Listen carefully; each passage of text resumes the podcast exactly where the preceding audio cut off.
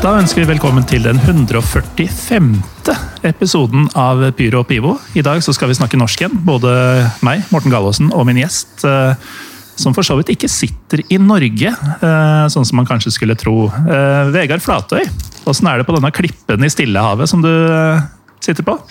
Uh, vel, vanligvis når jeg går ut døren her, så, så hører jeg bi, hvine bildekk og folk som roper 'Madonna', og naboen sitt esel som vrinsker. Men ja, det er veldig eh, koronastille her òg, vil jeg si. Det er koronastille. Du er altså på, på Malta, Det stemmer. eh, for de som ikke fikk med seg det. Um, Du er jo en helt vanlig vestlending, virker det som. Men eh, du har altså flytta til Malta mer eller mindre permanent?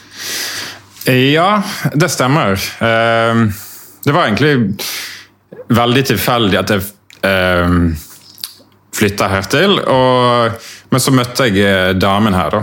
Så da ble jeg værende. Men eh, ja, grunnen til eller hvordan jeg endte opp her, var vel at uh, Kan vi begynne med at ja, foreldrene mine de reiste på ferie til Lanzarote. Og så da arrangerte meg og noen kompiser en festival i hagen deres. Uh, og så fortsatte den festivalen uh, noen flere år. Uh, og etter hvert så begynte jeg å jobbe med det. Jobbe med kommunikasjon for andre festivaler og sånn. Og så begynte jeg å jobbe hos uh, Festspillene i Bergen som kommunikasjonsrådgiver. Og så fant jeg ut en dag at jeg hadde lyst til å gjøre noe som var totalt annerledes enn det. Så derfor så jeg tilfeldigvis på Malta. Og så har jeg alltid likt fotball og all slags sport, egentlig. Så derfor tenkte jeg at jeg skal, å jobbe, eh, at jeg skal flytte til Malta og begynne å jobbe med betting. Ja. Så gjorde jeg det. Eh, og så jobbet jeg en stund. Og så traff jo damen her og fant ut at da blir jeg kanskje værende. Og da tenkte jeg at jeg kan ikke jobbe i spillbransjen resten av livet. Så da sluttet jeg der, og ja, jobber som frilans tekstforfatter og i, ja, her på Malta. Hvorfor ikke jobbe i bettingbransjen resten av livet? Nei, altså jeg, jeg, jeg, jeg kan ikke liksom bli gammel og se tilbake på at det en har gjort, brukt eh, 30 år på.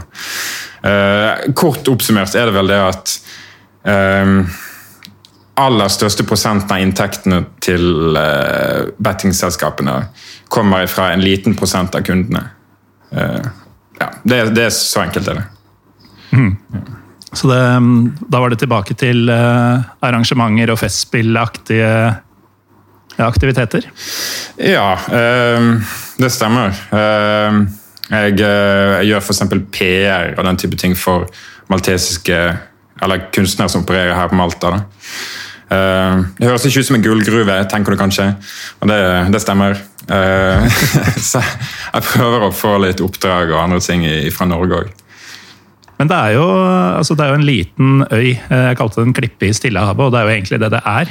Eh, Når man kommer inn for landing der, så ser man jo lett ut til begge ender av, eh, av øya. Men det er jo faktisk en god del kulturgreier som foregår der, så du har jo litt å henge fingra i. Definitivt. Eh, altså, det er i hvert fall en sånn veldig, en veldig kultur for at folk gjør ting her.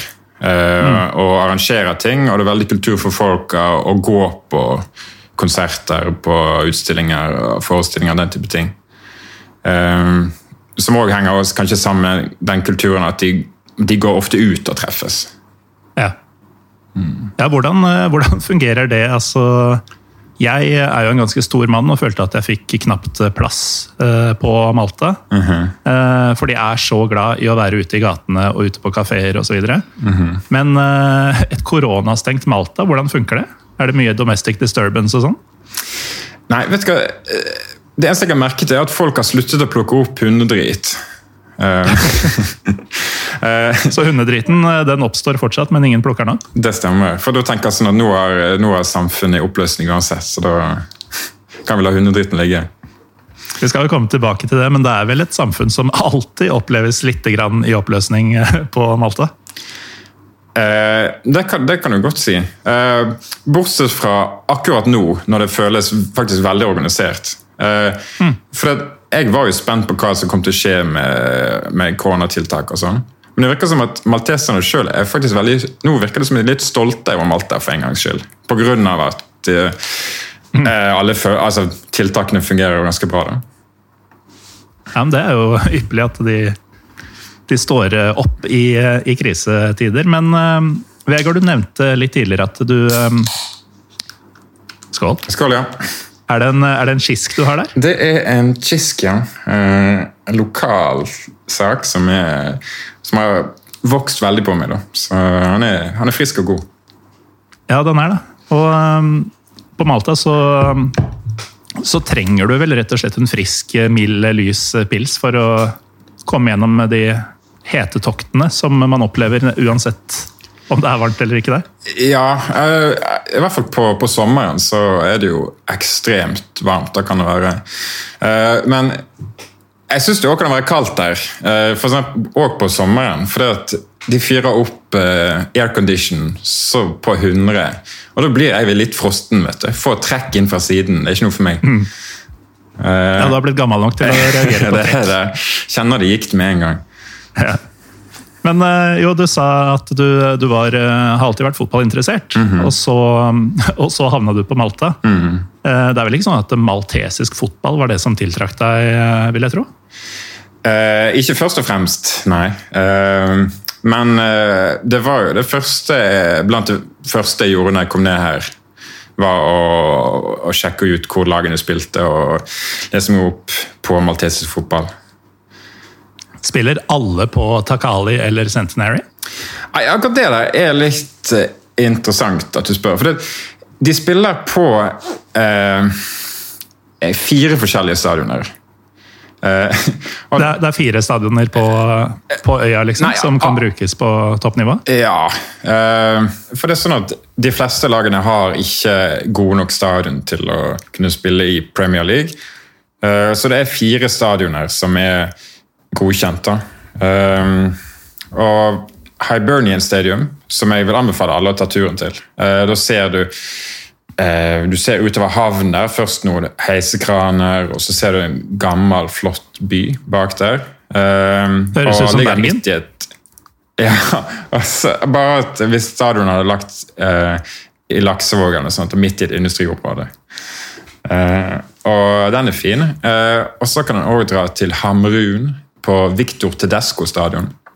Den er en av mine favoritter. Den er veldig, veldig intim. Um, og um, det som I hockey så har de jo sånn eh, power break, eller hva det er. når de skal være reklame. Men på Victor Tarasco så har de òg eh, pause. Det er når eh, fabrikken som ligger vegg i vegg, skal slippe ut noe giftig røyk. Stopper de kampene for det? Da stopper, stopper de kampen, og så venter de kanskje 10-15 minutter til røyken har forsvunnet. Så, Nei, Er det fordi det er vanskelig å se, eller er det fordi folk må vekk for å ikke få i seg den røyken? ja, det er, ikke noe, det er ikke noe godt å puste den inn. Det er det Nei. ikke. Uh, så, men så er det òg Men de fleste går på Taali, som er nasjonalstadion. Da. Eh, som, og den tar 16 000-17 000. Men det jeg finner den òg, men det er ikke, det er ikke så eh, bra som på de andre, syns jeg. Nei, og Det er kanskje ikke noe egnet sted for klubbfotball på Malta. Vi kan jo komme tilbake til det senere, men jeg ser ikke for meg veldig mange kamper med 16 000-17 000 eh, tilskuere. Men eh, kom du deg altså, noen gang på banen eh, på noen av disse, Vegard? For du har jo hatt en, eh, en liten karriere som fotballspiller på Malta, du òg? Ja. Uh, karriere i gåseøyne, kan vi gjerne si. Men uh, ja, jeg, jeg, sånn som mange så spilte jeg jo fotball, aldersbestemt fotball. Uh, jeg var relativt ok som aldersbestemt. Uh, og så, når jeg kom i tenårene, sånn så ble det mindre og mindre. Men jeg likte jo fortsatt fotball, men så sluttet jeg når jeg var sånn 15-16. Eh, og så har jeg alltid angret på at jeg ikke spilte noe A-lagsfotball for eh, mitt kjære Kvernbit. da. Eh, så har jeg liksom lagt litt eh, Men også når jeg kom til Malta her, så begynte jeg å så ble jeg kjent med noen som spilte på et lag her. Og så eh, sa jeg at jeg likte å spille fotball og sånn. Og gjennomsnittshøyden på Malta er lavere enn mine 1,98. um, så, så da så de for seg med en gang at jeg, Det, det er ganske stor forskjell. Så da så de med en gang for seg at det skulle være et slags sånn eh, oppspillspunkt helt fremme. da. Um, og så tenkte jeg sånn Ja, jeg begynte å spille, så gikk det mange treninger var ok, og så skulle begynte sesongen, vi skulle spille. og Jeg kan først si at du har på en måte det profesjonelle ligasystemet på Malta, som er da eh, tre divisjoner. Og så har du utenfor det har du et vell av andre liksom uavhengige ligaer som kanskje har én divisjon eller to divisjoner. Så det er utrolig vanlig å spille fotball her, faktisk. Um, så ja, jeg spilte da en av disse her ligaene på siden av ligasystemet. Uh, men i begynnelsen den første kampen der, så begynte jeg å merke at jeg har ikke spilt fotball på 15 år. merket jeg nå. Uh, men så kom ballen inn i feltet, og så bommet jeg på ballen. Sånn at han traff stamfoten min.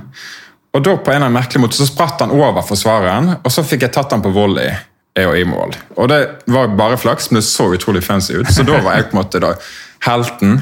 Uh, og så tenkte jeg så neste kamp så traff ballen meg inn i feltet og gikk i mål, og jeg skårte. Og sånn fortsatte det i tre-fire kamper til. Sånn at jeg, jeg skårte fem mål i begynnelsen, og uh, så tenkte jeg og det, og jeg var på en måte, hadde høy status i laget da, men jeg visste sjøl at dette var en løgn. Jeg hadde bare hatt flaks hele tiden.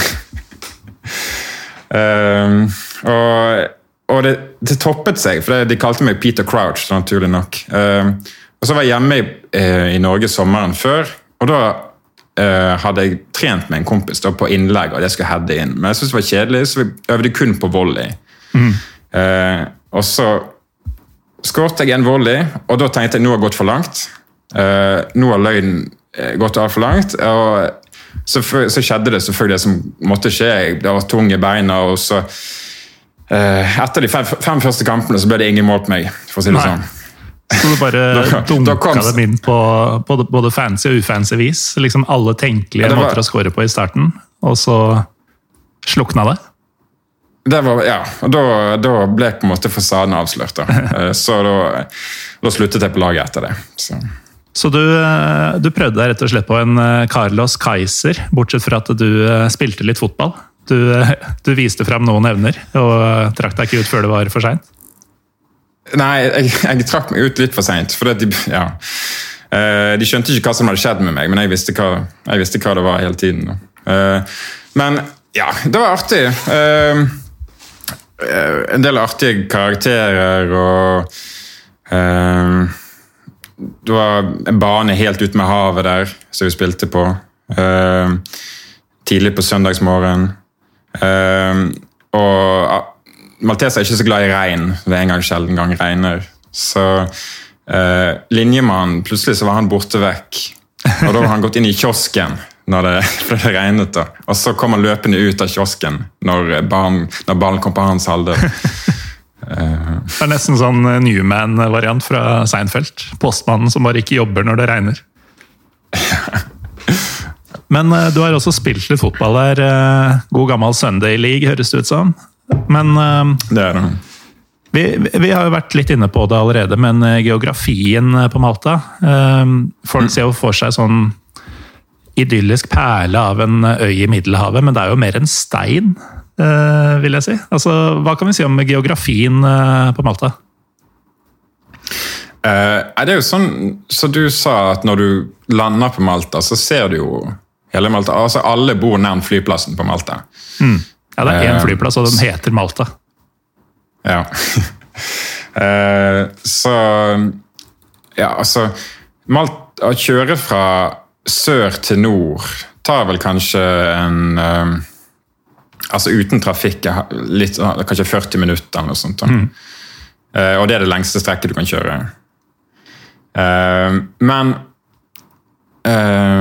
Og så har du da altså Der som er turistområder, f.eks. i St. Julians og Slima, uh, som jeg tror nok var veldig fine steder før, men nå er blitt eh, liksom, kaotiske byggeplaster og, og turistfeller. Eh, så du har på en måte Vegg i vegg så har du ekstremt fine ting og ekstremt stygge ting. Uh, du har for eksempel, uh, altså for eksempel Jeg tenker hvis det var noe som skulle noen samfunnsplanleggere de burde dra på studietur til Malta for å finne ut hvordan jeg skal gjøre det, og hvordan jeg ikke skal gjøre det. For En har f.eks. Valletta, som er verdens første planlagte by.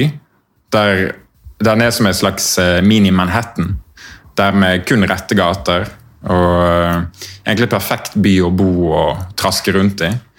Og så har du andre byer som Det er null regulering på bygging. Mm. og det er Alle grøntområder er bare det er satt opp noe betong på. En ting jeg la merke til, jeg var jo der i, i fjor sommer og, og, var der en måned. Eh, noe som for min del var eh, nok. Men mm -hmm. eh, en ting som foregikk da, virka som, eh, som det var hver kveld. Eh, noe som de kalte for Festa. Og det var at mhm. hver lille landsby og hver hundrede meter omtrent starter jo en ny landsby, virker det som. Hver av mm. disse hadde da eh, en festival for å feire seg selv. Noe som førte til at gatene var stengt, og det var fyrverkeri som ble eh, Virka som de, de, trente på det gjennom hele dagen. Så det var sånn fyr, mhm. fyrverkeritorden eh, på, på den sole, solfylte himmelen, så du så jo ingenting av det. Men det bråket fikk du da hele dagen, og så tok det ordentlig av på kvelden. Eh, feststemt folk. Det, det, stemmer, det. Uh, spesielt med De, de er fyrverkerientusiaster, kan du si. Uh, jeg var jo det sjøl når vi drev og demonterte batterier og sendte opp pinneraketter sånn før. Men uh, det de holder på med her, er at hver by har jo sine fester. Og de har òg vært de, de, lager fyrverkeri sjøl, på dugnad. Mm. har de alltid gjort det? Og, ja. Uh, og, uh, og, disse festene det er for å hylle sin lokale helgen. da. Så hver by har hver sin helgen. Um, så der som jeg bor, San Juan ja, Det er vel Juan-helgen der, og de har da fester. Og, og det er òg veldig mye rivalitet mellom de ulike festene. Så hvis du bor f.eks. i St. Julians, så kan du ikke gå på fester i Floriana f.eks. Ja, eh, du kan de, ikke? Nei, det, det, for det, da, det er mer vanlig at de da står på utsiden av byen og roper skjellsord mot den helgen til som de har. For det, det er rivalitet mellom helgen òg, for da hater de deres helgen. siden det. Oh, det, er, det er så herlig usammenhengende alt de driver med der nede. Uh, men, men, men, det sier kanskje litt om, uh, om kulturen også. Altså, det er jo et uh, De er ikke redde for å si fra, malteserne. Uh, altså, det, både òg på det spørsmålet der. Uh, uh, for det at for med, med, ting som ikke har, er så veldig viktig, som f.eks. fotball og, og, lokal rivalitet, så er de veldig uh, lite redd for å si ifra. Eh, men det kommer til litt større ting, som f.eks. politikk og dette med ytringsfrihet og sånn, så er de eh, kan de være mye mer tilbakeholdne. Da. Ehm, for det kan være, Hvis du ytrer deg feil eh, med politikk, så kan du f.eks. risikere å miste jobben og den slags. Ja, og verre, eh, som vi også skal komme tilbake til litt senere. Men eh, altså, Malta har jo Du kalte Valletta for verdens første planlagte by. Mm -hmm. Malta ligger jo strategisk til der, holdt jeg på å si, mellom skal vi si, Italia og Nord-Afrika. Eh, alltid vært en smeltedigel. Hva kan du fortelle om eh, Maltas historie, utover at Valletta var tidlig på? Uh, det er vel stort sett det at de har blitt erobret av ulike folk opp gjennom historien. Uh, alt fra nordafrikanere til italienere til nordmannene. Uh, og så um, var jo da Napoleon òg her. Eh, og da franskmennene, som var de siste som hadde Malta før det ble en britisk koloni. Eh, og det er vel gjerne da britene som har sett sterkest spor etter seg her. Eh, både med, av, eller med mye bygging av infrastruktur og, og kultur. da. Venstrekjøring? For eksempel. Eh, og så er det jo også det at det er jo en eh, stor del av befolkningen som ikke snakker maltesisk her, som bare snakker engelsk. Mm. for eksempel i, eh, i byen Slima, eh, som er kjent som en litt sånn eh, snobbeby, sosseby, der, eh, der snakker de bare engelsk. Gjør de det? Det gjør de. Ja, det var der jeg Så- eh, var eh, plassert eh, den måneden min. Eh, Jeg kom langt med engelsk, merka jeg, men det, det gjør man jo stort sett på Malta. Ja, da, alle, alle kan engelsk, men det som er spesielt med de eh, som bor i Slima og enkelte andre steder, er at de, de, syns, de syns gjerne ikke at maltesisk er pent nok. da. Um, så da eh, syns de det er litt finere å snakke engelsk. Men altså, maltesisk er jo et av de mer absurde språka som finnes der ute. Hvor lenge, hvor lenge har du vært på Malta nå, Vegard? Um, det blir vel Altså Til høsten så blir det fire år. Jeg regner med at du ikke har blitt flytende i maltesisk eh, på de fire åra? Det er veldig vanskelig språk. Fryktelig mye kuer og x-er. Ja, eh, og, men kuene, verken, kuene skal ikke, de uttales ø, og eksene uttales sj. Så Så det er ikke så Eh, ille som det det- ser ut. Nei, eller ja, kuene uttales ikke, og det er et sted som heter QROQQ, så er det uttales bare ro. Ja. Så, Eh, Jeg ville jo automatisk problematisert eh, det, det ordet eh, ganske kraftig før jeg hadde trodd at eh, ro var eh, korrekt. Men uh, britene satte sine spor, sier du. Altså, vi har venstrekjøring og vi har eh, engelsk som, eh, som rett og slett er det offisielle andrespråket, som i praksis alle maltesere snakker. Ja, eh, altså en har eh, I den sørlige delen av Malta, der er det en del som ikke kan engelsk. da. Eh, men eh, ja, 90 eh, er, er god i engelsk, det vil jeg si.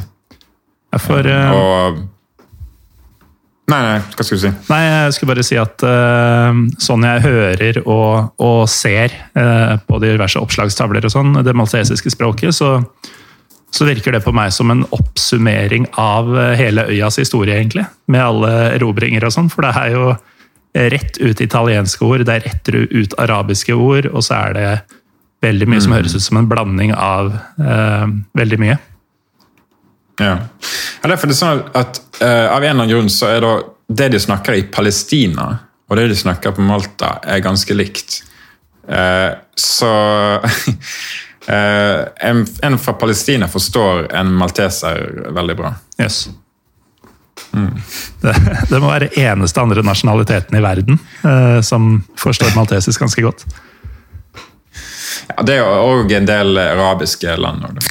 Eh, Men eh, altså, du var litt inne på dette med politikk, ytringsfrihet og sånn. Eh, dette er jo noe du, du har satt deg litt inn i, eh, Vegard. For det er jo Du er ikke i Norge lenger. Eh, hvordan, eh, hvordan fungerer eh, det politiske systemet, eller hverdagspolitikken om du vil, eh, på Malta? Um, ja. Eh, Han er jo eller, på en måte ekstremt komplisert og ukomplisert på samme tid. Fordi at du har to store partier, eh, som er da eh, Nasjonalistpartiet og Arbeiderpartiet. Eh, og i motsetning til i Norge, så er det vel mer eh, det som er den tradisjonelle arbeiderklassen, som òg stemmer Arbeiderpartiet her. Eh, og eh, på en måte det er litt mer sånn de intellektuelle og disse middelklassen og sånn stemmer da Nasjonalistpartiet. Men det, de tingene der flyter litt over hverandre òg, da. Men det som er i hvert fall helt sikkert, er at de er die hard supportere av partiene. Eh, så det er som å holde med et fotballag. Eh, og partiene har sine egne barer, f.eks. I hver by så er det alltid to barer. En nasjonalistabar og en laboristabar. Um, og for eksempel, det er en, eh, nasjonal, nei, en laboristabar ganske nærmt der jeg bor.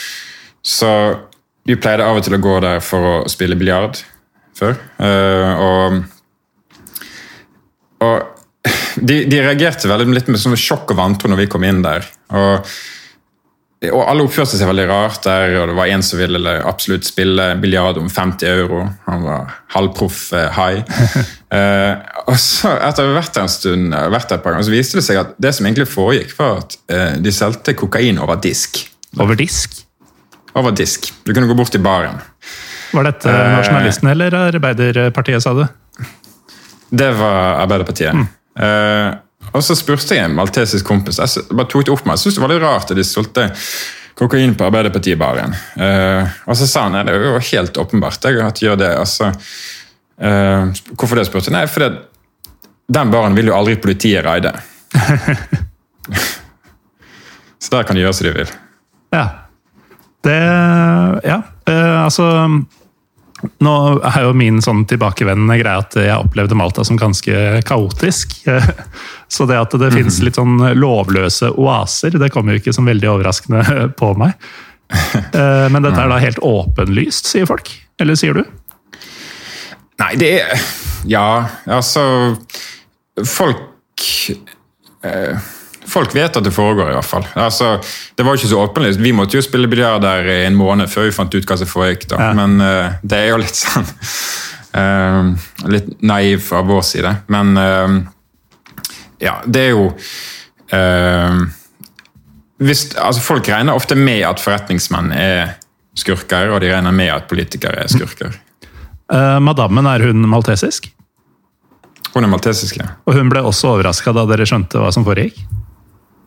Eh, nei, hun var, ikke, kanskje, hun, var, hun var ikke med å spille, da. Men hun, jeg tror ikke hun ble overrasket når jeg fortalte det. Um, um, nei, hun, hun blir mest oppgitt over sånne ting.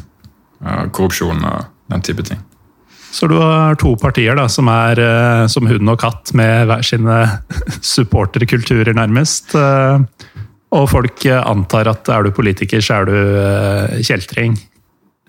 Hvordan, Ja. hvordan foregår f.eks. For en, eh, en valgkamp og et valg? Er det mye faenskap? Det er veldig mye altså Det foregår som at det er masse møter. Uh, så for eksempel, og Arbeiderpartiet de kjører veldig hardt på den uh, Gigi Diagostino, uh, L'amour toujours. Eh, så hvis du kommer tilbake til Malta og kjører bil med den på full guffe, så regner folk med at du er Arbeiderparti-supporter. um, men eh, det var Jeg opplevde valg her eh, i 2017. Eh, det var fordi de hadde et eh, Altså, de måtte snu seg om ha et nytt valg relativt kjapt. Fordi det ble oppdaget at konen til statsminister Joseph Muscat hun hadde en konto i Panama som det gikk masse penger inn på. Eh, og, og da tenkte de ok, ja, men da, da tar vi nye valg med en gang, så, så skal vi bevise at folk liker oss for det om. For det folk ville at eh, statsminister skulle gå av. Uh, og så vant de De vant klart uansett. Eh, og, men det var jo også eh, hadde jeg en, sånn, en, en huseier da, som jeg da leide en leilighet. Um, um, og kan fortelle litt om hvordan jeg fikk den leiligheten etterpå. forresten. Men uh, uh, Han kom og sa til meg da, at jeg måtte, om jeg kunne hjelpe han å lage en sånn online spillkonto. For han skulle sette penger på valget. da, For han visste at Arbeiderpartiet kom til å vinne. og han uh, Ja. Og han sa, han sa liksom så på meg da hardt og sa at du òg bør gjøre det. sa han. Eh, Men så hørte jeg etterpå at spillselskapene hadde sånn rødflagget valget og stoppet alle spill på det. Så jeg tenker jo, Hvis det hadde skjedd for i en Premier League-kamp, at, denne- at spillselskapet hadde stoppet spill, så hadde jo det blitt en verdensnyhet. Ja. Men når det skjer på et valg i et EU-land, så hører ingen om det. Nei, det, det er helt nytt for meg. Men eh, det, det bringer oss litt over på, på noe du nevnte også i stad, Vegard. Og det var jo at ytringsfrihet ikke er en spesielt eh, høyt verdsatt eh, dyd i, eh, på Malta. Eh, nei. Ehm, det er jo ehm, Hun samboeren min, hun eh, er hun er profesjonell danser og, og kunstner her. da. Eh, så sånn at jeg har en del ja, Både gjennom det som jeg jobber med, og omgangskretsen en del kjennskap til det. da, og det er jo sånn at de har jo lyst til å lage for samfunnskritisk kunst, eh, men og det, og det er veldig masse penger å få i støtte på Malta faktisk, for kunstnere. Så lenge du ikke lager noe som er kritisk til myndighetene. Da kan, da kan du regne med å få den inndratt. Um, og på, av forskjellige årsaker så var jeg òg med å jeg kan fortelle, Vi kan snakke mer om eh, Daphne Caruana, hun eh, journalist som ble drept her. Eh, men jeg var òg med og skulle arrangere en sånn minnekonsert for henne. da. Um, og da, Men så begynte de artistene skulle, som skulle opptre, de begynte å trekke seg. Um, og så kom det frem at, at de mottok da en form for trusler fra myndighetene. da. At hvis de deltok på den minnekonserten for journalisten, så ville de da miste rettigheter og kanskje miste støtte og den type ting, og bli svartelistet. Um, og så foreslo jeg at du kunne gå til media med det. Men da sa de at nei, men da blir det jo bare verre. Mm. Sant? uh, så, de, uh, så, den konserten ble avlyst. Så du kan altså ikke lage noe kunst eller kultur som, uh, som er samfunnskritisk, og denne Daphne Caruana, en journalist som ble drept Det var altså, hvis jeg har forstått det riktig, en mm. minnekonsert for en drept journalist. Uh, som da ja. i praksis ble avlyst fordi artisten ikke fikk lov å stille. Ja. Av myndighetene. Korrekt. Da må du nesten fortelle litt mer om uh, denne journalisten og drapet på henne, tror jeg. Ja, uh, altså Hun var jo da en av veldig få journalister her som jobbet aktivt med å avdekke korrupsjon. Eh, og hun gikk etter begge partier. Noe som òg var uvanlig, siden ofte mediene tilhører en av partiene. Objektiv journalistikk. Yes. Uh, og etter hvert så ville da avisen som hun jobbet for, ikke trykke hennes saker lenger. Uh, så derfor sluttet hun der og startet da sin egen blogg. Um, og der, var, der, gikk hun veldig aggressivt til verks. da, med å ja, altså for, Hun fikk, fikk, en del kritikk fordi hun mente du ikke hadde nok bevis, og, og, den type ting, men hun jobbet liksom hele tiden med å avdekke korrupsjon. og Både innen politiet, politikere og, og, forretningsmenn. som ofte, De tre henger jo ofte litt i sammen. Mm. Um, og det som um, også åtte måneder før hun ble drept, da, dette her i, da, i februar i 2017, så lå hun ut et bilde med av Joseph Muscat, stats, statsministeren, turistministeren Konrad Mitzi eh, og stabssjefen eh, Keith Scambry med et eh, også med skriften 17 Black over. Hva betyr det? Det viste seg at det var navnet på et Panama-selskap. Mm. Så hun hadde da funnet ut at de hadde nok til felles bør. Uh, men så skjedde det ikke så veldig mye mer om det, men hun holdt nok sikkert på å jobbe med det. Og så plutselig kom det fram da at hun var blitt sprengt av en bilbombe. Mm. Og Arbeiderpartiet hadde jo gjort henne til en fiende. da. De hadde da uh, portrettert henne som en slags elitist som uh, så ned på vanlige maltesere og bla, bla, bla, og skapte et veldig sterkt fiendebilde. Så når hun ble drept, så var det veldig mange av uh, partiets tilhengere som jublet og kjørte rundt i gatene og tutet og viftet med flagg. Uh, men selvfølgelig, de aller fleste syns jo dette her var helt forferdelig. Um, men en, så, en bilbombe, altså? Da, ja. da, er det ikke liksom 'make it look like an accident'. Da skal du sende en beskjed også. Ja, definitivt. Um, bilbomber var, var visstnok veldig vanlig sånn på 80-, og 70- og begynnelsen av 90-tallet i politikken. her. Men uh, det hadde ikke vært noen i politikken siden da. Uh, det hadde vært en del, altså Hvis det var kriminelle oppgjør, og sånn, så hadde det vært noen bilbomber før det òg. Eh, også mens jeg var her. Men der det var på en måte ingen som var Og så eh, inntrykk på folk, da. Um, um, og så var det jo dette her at folk hadde jo en følelse av at det var myndighetene som sto bak dette her. Um, så en morgen da i uh, oktober så ble en som heter Jorgen Fennek arrestert mens han prøvde å flykte i yachten sin fra Malta. Mm. Uh, og han kan sammenlignes med en, slags maltesisk Donald Trump. Han eide en del sånne signaturbygg i turiststrøket, noen høyblokker, og han eide um, ja, hoteller og involvert ekstremt mye. Men også, han var òg involvert i byggingen av et uh, av kraftverk her. Um, og det var en kontrakt som han hadde fått da, gjennom sine venner i Arbeiderpartiet.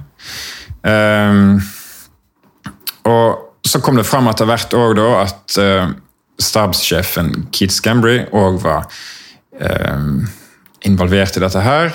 Og det kom fram gjennom at etter at Jorgen Fennek var blitt arrestert, så fant de ut at um, Keith Scambry, stabssjefen til statsministeren, sendte han hemmelige beskjeder.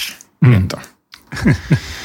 um, men statsministeren nekter nektet for å ha noe med det å gjøre, på, og sa at han ikke hadde noen kontakt med Fennek, på tross av at det var klare bevis på at de hadde vært omgangsvenner, nære sådan, helt fram til han ble arrestert.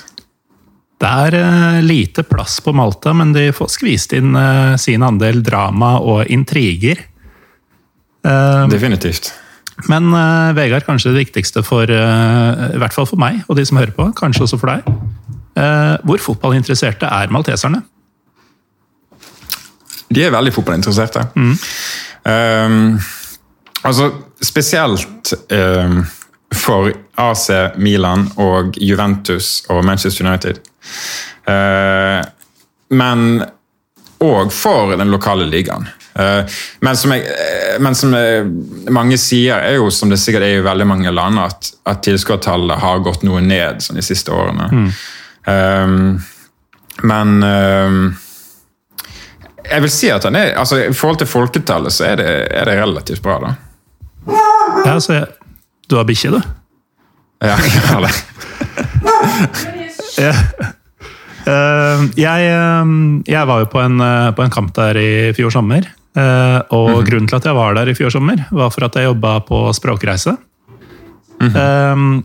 Og um, jeg var såpass interessert i å komme meg på kamp når jeg først var på Malta, at jeg eh, tilbød meg da, til de som styrte sjappa der, at uh, vi kan gjøre dette til en sånn optional, som jeg kan ta med de som melder seg på, mot at de da selvfølgelig betaler for kampbilletter og, og sånn. Mm -hmm. Da sa den maltesiske lokale ledelsen der at nei, nei, vi, vi tar ikke med tenåringene på, på fotball, for det er altfor heavy. Uh, så fikk jeg ikke helt det til å stemme. da. Det skulle være Valletta mot Dudelange forresten, i Champions League-kvalik. Um, mm -hmm. For jeg, jeg, kunne liksom ikke se for meg at det kom mye folk, og at det var mye styr og rør og sånn. Mm -hmm. Men det var, da jeg kom dit, det var jo mye det jeg antar er banning og kjefting, og det var salg av øl på stadion, og det skulle ikke disse tenåringene ha tilgang til, og sånn, så jeg, jeg skjønner det jo litt. men Eh, hvordan vil du beskrive si, fotballkulturen, tribunekulturen eh, der? Går det for seg på de større kampene? Uh, på de større kampene, ja. Uh, og på de mindre kampene. Altså, uh, skal jeg være så ja, Men de har alltid en hard kjerne. så gjerne Ultrasgrupperingen kan være på fire-fem stykk da, som kjører på noe helt sykt. men det er en veldig, jeg vil si det er en veldig uskyldig eh, ultraskultur. da. Mm. Eh, med lite, altså Du har aldri noe alvorlig vold. Det er mye banning, det er det. Kreativ banning, mm. men uh, lite vold. Uh, ja, eneste gang, Det mest alvorlige sånn, av bråk jeg opplevde, var når de begynte å kaste noen altså fem-seks stykker begynte å kaste noen stoler ut på banen. og så kokte det over for han ene, så da kastet han trommen sin også ut på banen. uh, og så kom politiet for å prøve å roe dem ned, men de, de, lyktes ikke helt med å roe dem ned. Um, Men så kom det etter hvert en, sånn, en politidame i middelalderen middelaldrende politidame. Som kunne være litt sånn morsfigur. da, Som fikk separert disse her og, og fram med pekefingeren. og og da sto de liksom rart som, eh, skole, som noen skolegutter. Og, og så når han fikk tilbake trommen sin, da, da var det tydelig at hun ga han en leksjon. da, at han kan få tilbake trommen sin så lenge han, hvis han lover å ikke kaste den ut på banen igjen. Da, da. Lov. Um, ja. Men uh, så har du òg altså, Jeg har vært på kamper på, eller, uh, på kamper med godt over 10 000 her òg, da. Uh, Cupfinalen, f.eks. Um, og så òg serieavslutningen i fjor. Da var det utsolgt nesten. Uh, på nasjonalstadion. Uh, det som var litt gøy med det, var at foran sist, nest, ja, for, i den siste serierunden, dersom Valletta spilte uavgjort og Hibernians vant, så ville de få uh, like mange poeng. Mm. Og de teller ikke målforskjell her. De gjør ikke det? Uh, På, nei, så I det hele tatt? er, Nei, og det, det er innbyrdes oppgjør, og der var det likt. Så Derfor måtte de spille en tiebreaker. Oh.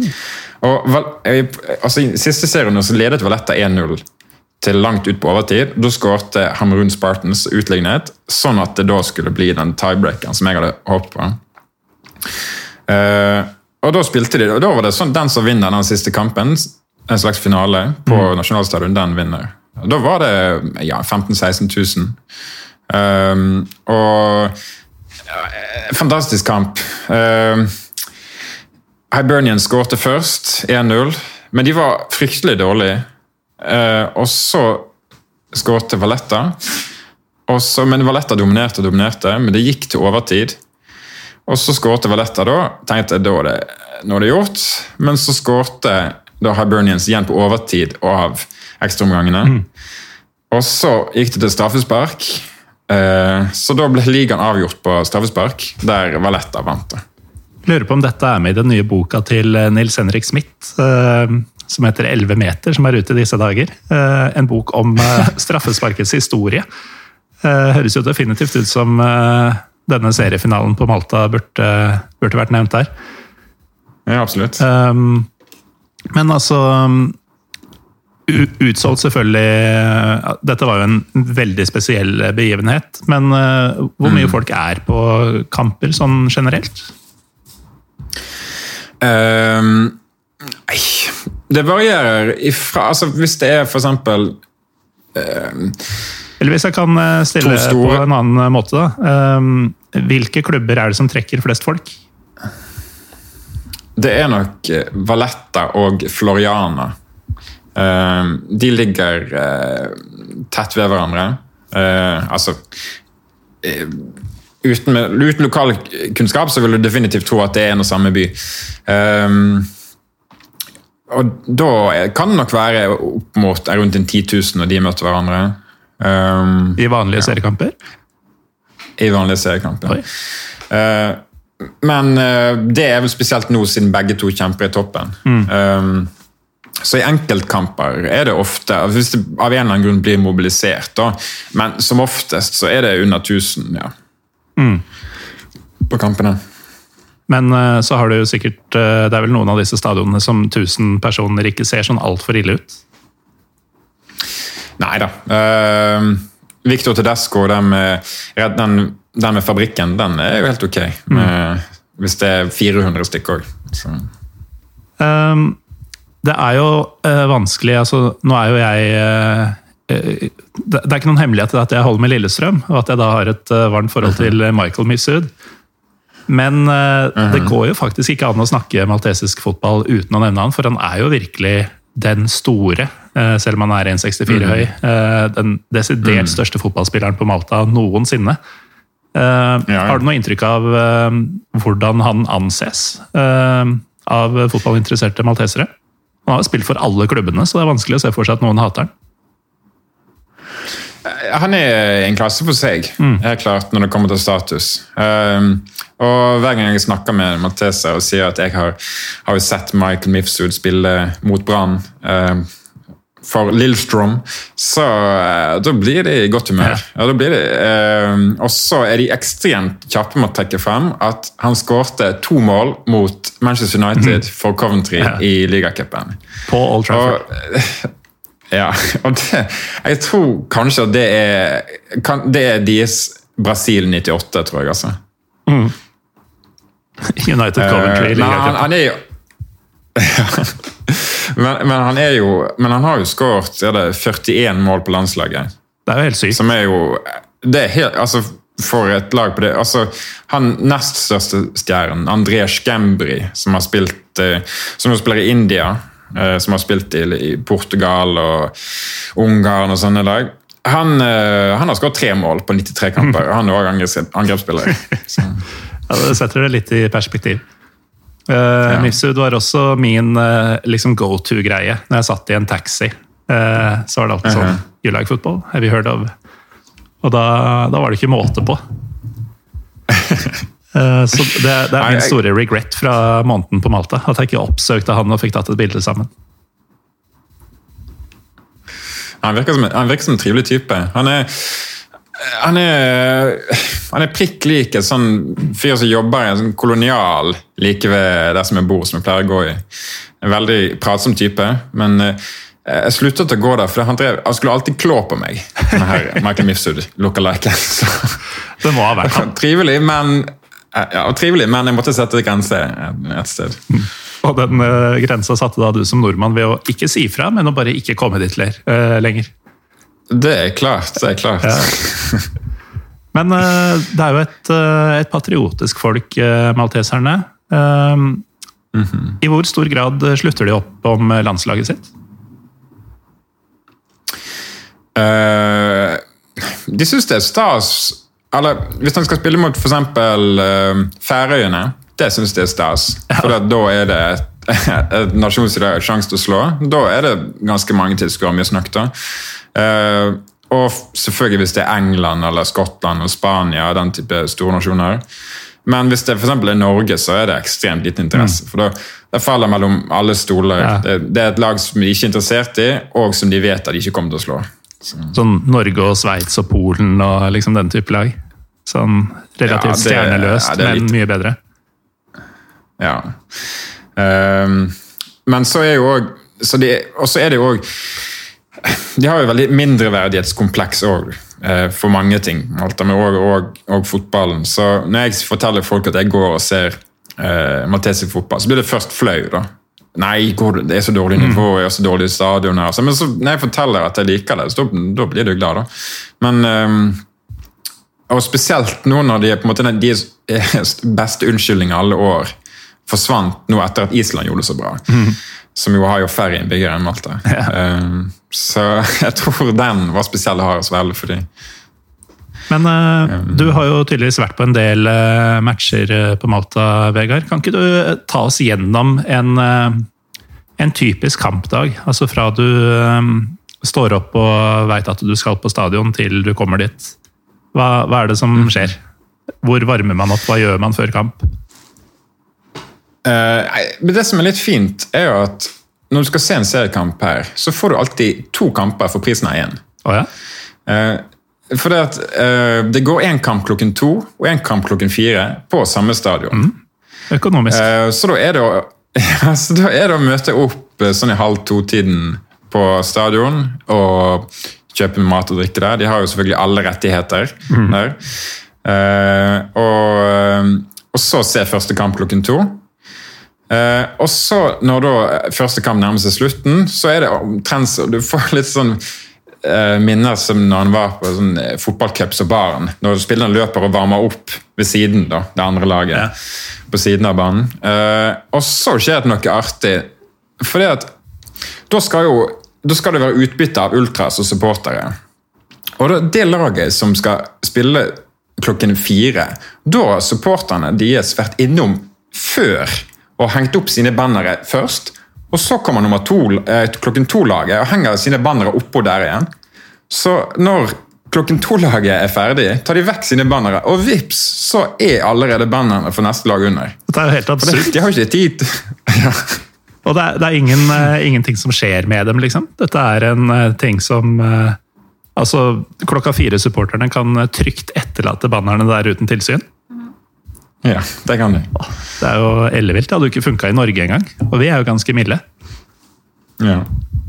Nei, det, men også etter eh, Også når kampen er slutt, klokken eh, seks, da eh, løper alle rett ut av stadion. Eh, første gang jeg var på fotballkamp her, så eh, ble vi låst inne på nasjonalstadion. Fordi at eh, jeg, var så, jeg var så dum og skulle gå på do etter kampen. Og så når jeg kom, kom ut igjen, da hadde de bare stengt ned hele den langsiden som jeg var på. Og alle var forsvunnet. Oh. Eh, så jeg måtte da rope over på andre siden til en fyr som var der. da. Så kom han rundt der og låste opp meg. Han var liksom, hva gjør du her da? Men altså, jeg hadde jo hadde ikke regnet med at alle forsvant på tre minutter. Og at de låste stadion. kampen var ferdig for et kvarter siden, liksom. Hva faen gjør du her? Åh, det er jo helt nydelig. Um, så, så det er liksom ikke noen sånne supportermøter i byen og sånn, alt bare skjer på stadion? Jo, altså du har eh, altså Alle supporter, eller alle eh, fotballklubbene har også sine egne barer. Eh, ehm, og, eller barer og restauranter. da. Jeg var på Um, Slima Wanderers eh, sitt kombinerte klubbhus og restaurant ved et par anledninger. Ja, jeg har vært der, jeg òg. Uh, God kaninpasta. ja. Ja, det er òg noen sånne hestegryter der. Ja, den var ikke så god. Okay. Nei, nei, han er ikke det. Han er, men jeg tenker du må ikke gå der for å kjøpe hest, tenker jeg. Men uansett. Eh, Nå, nå har du sagt A. Ah, Hvor må man gå for å kjøpe hest? hva sa du? Hvor må man gå for å kjøpe hest? Eh, ironisk nok travbanen. Eh, for der rett ved siden av så er det liksom en, en ekstremt god kjøttrestaurant som med utsikt til travbanen, der de serverer de beste hestebiffene. faktisk. Så herlig morbid. Ja, kortreist, jeg vet ikke. Um, nei, men, eh, men du har jo òg en annen liga på Malta. Altså, En har en profesjonell liga på Gozo òg. Som Ja, er da naboøya i nab, nab, ja, Der det bor rundt 40 000-50 000 mennesker. Der har de òg to divisjoner. Der den øverste er profesjonell, med en haug med brasilianere, argentinere og østeuropeere som spiller. Så jeg har vært der og sett òg kamp. da. Og Der, der var overraskende overraskende mange folk. Det var sånn over 1000 tilskuere. Eh, og jeg har aldri vært på en kamp med så mange kvinner som på Gozo. Altså noensinne, eller eh, av kamper du har sett? Noensinne. Jeg har aldri i mitt liv sett så mange kvinner. Det var eh, godt over 50% var damer. I alle dager. Fikk du noen forklaring på hvorfor det var sånn? Jeg vet ikke. Altså, at det var kanskje med, det var det de pleide å gjøre med familien på søndager. Jeg vet ikke. Hmm. Men, de, men de var ekstremt stygge i munnen, da. Alle som en. Verre enn på Malta, eller? Ja, jeg vil si det. Ja, disse kvinnene, altså. Uh, var kanskje sånn du traff din utkårede? Du sto og kjefta på dommeren på Gozo, og du falt pladask? Nei, jeg traff den på, hun traff på gode gamle måten på Tinder. Men uh, uh, første date, det var på uh, labor, altså Labour Bar. Der, hun, hadde jo, hun hadde jo ikke vært der før, for den går jo ikke der. Men ja. Labour Bar, altså denne Arbeiderparti-puben eh, som det viste at de solgte Ja. kokain på? Ja. ja. Så og, og var, var overrasket over at der tok henne med. Ja. Ja, men da, da skiller du deg ut, vet du. Da viser du at du ikke er Ja. som alle de andre eh, pygmeene, holdt jeg på å si. De, de er jo, som du var inne på, ikke spesielt høye, eh, de fleste malteserne. Nei. Så du, eh, du skilte deg ut både i eh, størrelse og valg av eh, arena for eh, daten. Da, da var det ingen vei tilbake for ham. jeg tror jeg kan si det. Um, men eh, hvis vi skal tilbake til liksom, de klubbene på Malta, så er det jo um, Og uh, Birkirkara er òg en relativt stor klubb. Eh, selv om de ikke har den største byen på Malta. Eh, og selv om de ikke har vunnet så mye, så er de store. Um, Jonan Riise var jo annet sportsdirektør der i uh, Langvarig fire måneder. Ja. Så ja, jeg var også der. Uh, der jobbet han sammen med Jeffrey Faruja. som er en litt sånn notorisk Han er en litt beryktet skikkelse i maltesisk fotball. Han har vært Eh, han har vært direktør i stort sett alle klubbene på Malta, og det følger alltid med veldig mye eh, kampfiksing og rot. og eh, Klubber går til grunne med en gang han kommer. Så hver gang han tar over en ny klubb, så er det supporterne tenker de Eller sier høyt ut, da. Altså, nå går det ned med oss òg. Men er Faruja en stor, berømt familie, eller er det bare som å hete Andersen der? Fordi jeg ble kjent med opptil flere Farrugiaer eh, mens jeg var der. Han var ikke en av dem. Ja Nei, uh, nei altså det er egentlig mer det at uh, Du har hundrevis av etternavn, eller kanskje tusenvis av etternavn på Malta, men 90% har de, de ti samme. Så de ti mest populære etternavnene har altså, omtrent 90% av befolkningen. Så Farrugian er nødvendigvis ikke i slekt. da. Nei. Det er litt som, eh, det som var litt overraskende, med var at eh, Borg var et av de vanligere etternavnene her. Ja, ja. Og, eh, og, som, og Bjørn er òg et vanlig navn her. til fornavn. Så det, det var en sånn notorisk bilkaprer eller noe sånt der, som var mye i media. Han het ikke eh, Bjørn Borg. Nei! Han het Bjørn Borg. Eh, og, og det var ikke han Bjørn Borg, det var altså en maltesisk Bjørn Borg. Det var vidt vi Bjørn Borg. Vet. Der historien Ja. har blitt servert, i hvert fall. Men eh, det er jo helt åpenbart et, eh, en klump med stein i, eh, i Middelhavet, dette her, som har masse rør og rot, både i fotballen og i samfunnet ellers. Men er det et sted verdt å besøke? Altså, nå er jo du litt inhabil, i og med at du har funnet både kjærligheten og, og etablert livet ditt der. Men altså, du, du har jo eh, naturskjønne omgivelser som eh, Comino og, og deler av Gozoøya som eh, ligger nord her. Og så har du Valletta, som er en gammel og flott by. Eh, Du har eh, mildt sagt pulserende uteliv i Parcheville i St. Julian.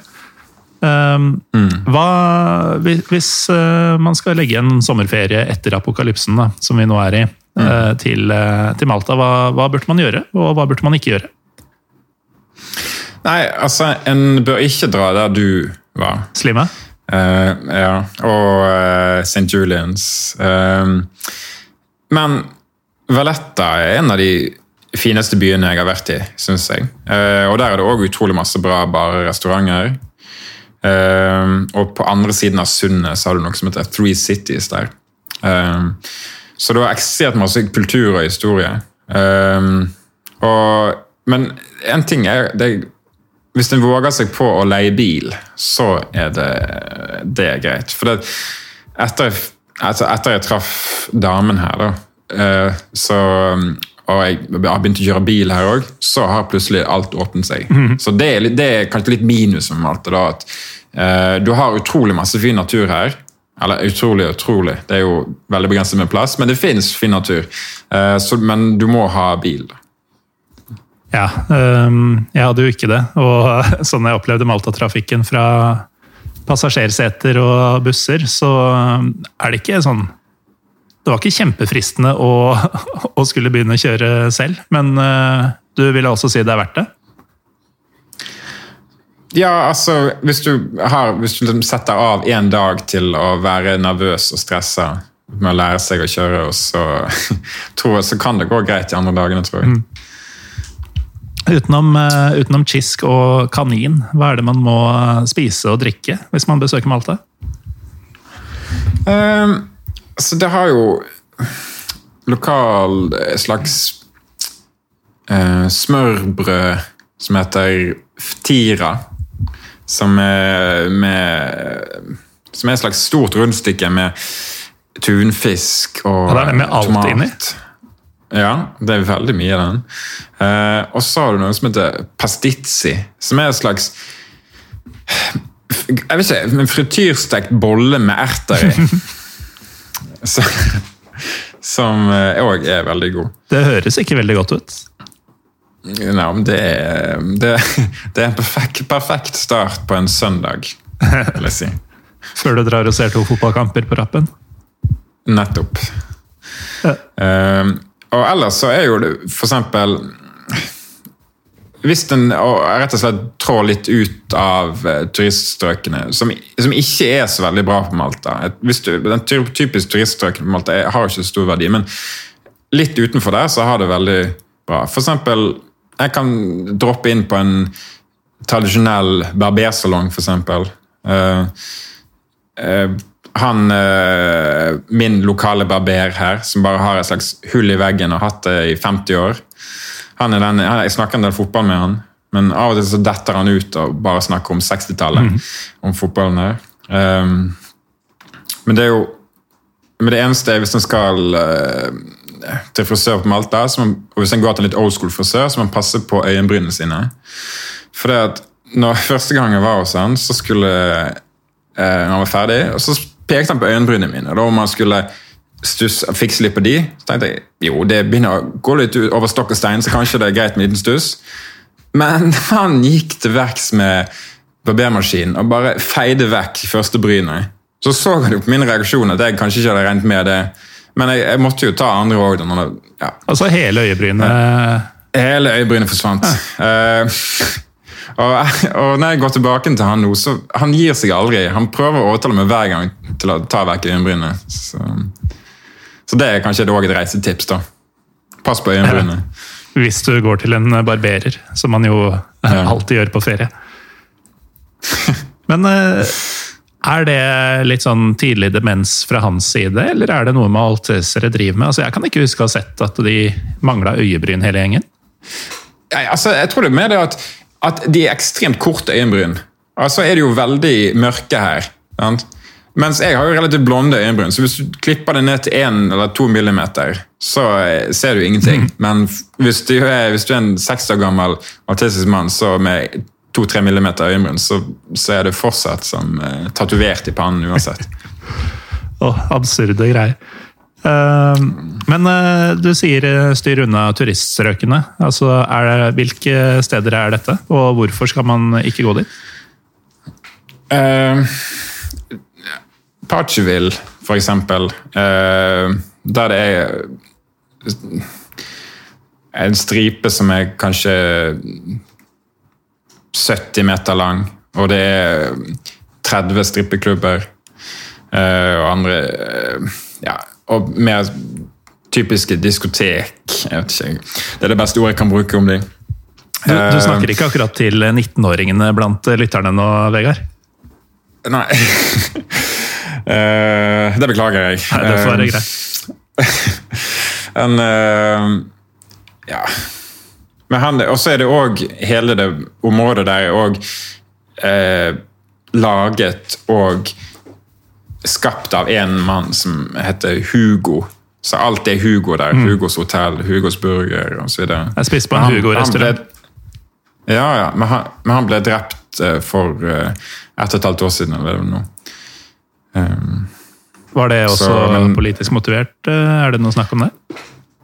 Eh, kanskje ikke politisk, men med, eller politikk forretningsmessig. Men han ble i hvert fall Forretningsmenn er kjeltringer-greia spilt inn. Ja, det vil jeg tro. Men eh, med mindre man er veldig glad i diskoteker og strippeklubber, så er det da Det er det, er det som er der, liksom. Det er, det er ikke noe vits å dra dit hvis du ikke elsker det. Va- eh, Valletta. Uh, hvis en uh, Ja, der kan en tilbringe en hel dag og en hel kveld. Uh, og en natt. Eh, og ellers er det å, å reise rundt og ta seg inn til litt småbyer i midten av landet. Eh, for det, tradisjonelt sett så har malteserne bodd i midten av landet. Uh, fordi at de hele tiden blitt plaget av pirater og folk Ja. som skulle invadere dem. Så derfor bodde de i midten av Klok av landet. skade. Ja, og nå har de flyttet og nå har de også flyttet tilbake til midten av landet pga. alle expats og turister som kommer og bor langs kysten og bor i kjempestygge høyblokker. Ja, jeg var jo i dette Seafront Tower på, på enden av Slima der, som du sikkert vet, vet hva er. Uh, Ja, ja. Det har sett bedre dager, for å si det pent. ja, det er jo det er jo også de fleste av leilighetene i de byggene står tomme. Mm. Av at de er stort sett kjøpt opp av eh, russere som trenger en bostedsadresse for å få kjøpe et pass. Eh, maltesisk pass. Eh, ja, så det er nok eh, spøkelsesskyskrapere, faktisk.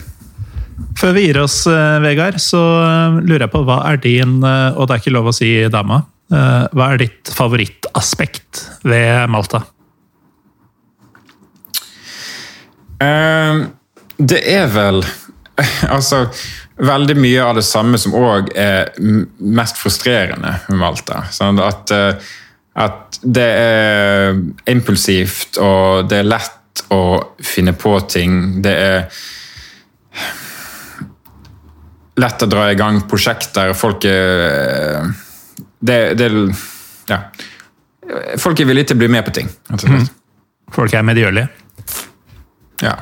Og så har jeg jo skjønt at Slima ikke er favorittområdet ditt, men det må jo være lov å nevne Black Gold Saloon eh, blant eh, ting som er kult på Malta. Der koste jeg meg skikkelig et par kvelder. Er ikke så verst, den. Nei, Altså. den er fin. Ja. Men uh, takk for at du var med, Vegard Flatøy. Med mindre det er noe du brenner inne med som du må si om Malta, så er vi ved veis ende. Takk for at jeg fikk være her. Ja, uh, og igjen, da. Uh, Det har skjedd et par ganger denne våren, men eh, du inviterte jo deg sjøl med som gjest. Ja da. Freidig og fint, og det setter jeg pris på. Og det gjelder jo spesielt nå som geografi ikke betyr noe lenger, folkens. Så um, har du noe som ligner på en mikrofon og et eh, rom du kan sitte i, så går det an å melde seg til tjeneste for PyroPivo, Pyro Pivo, eh, som Vegard her har gjort. Eh, Takk igjen, Vegard, for at du var med, og takk til dere som hører på. Jeg heter Morten Gallosen. Vi er Pyro Pivopod på Twitter og Instagram. Vi høres neste uke.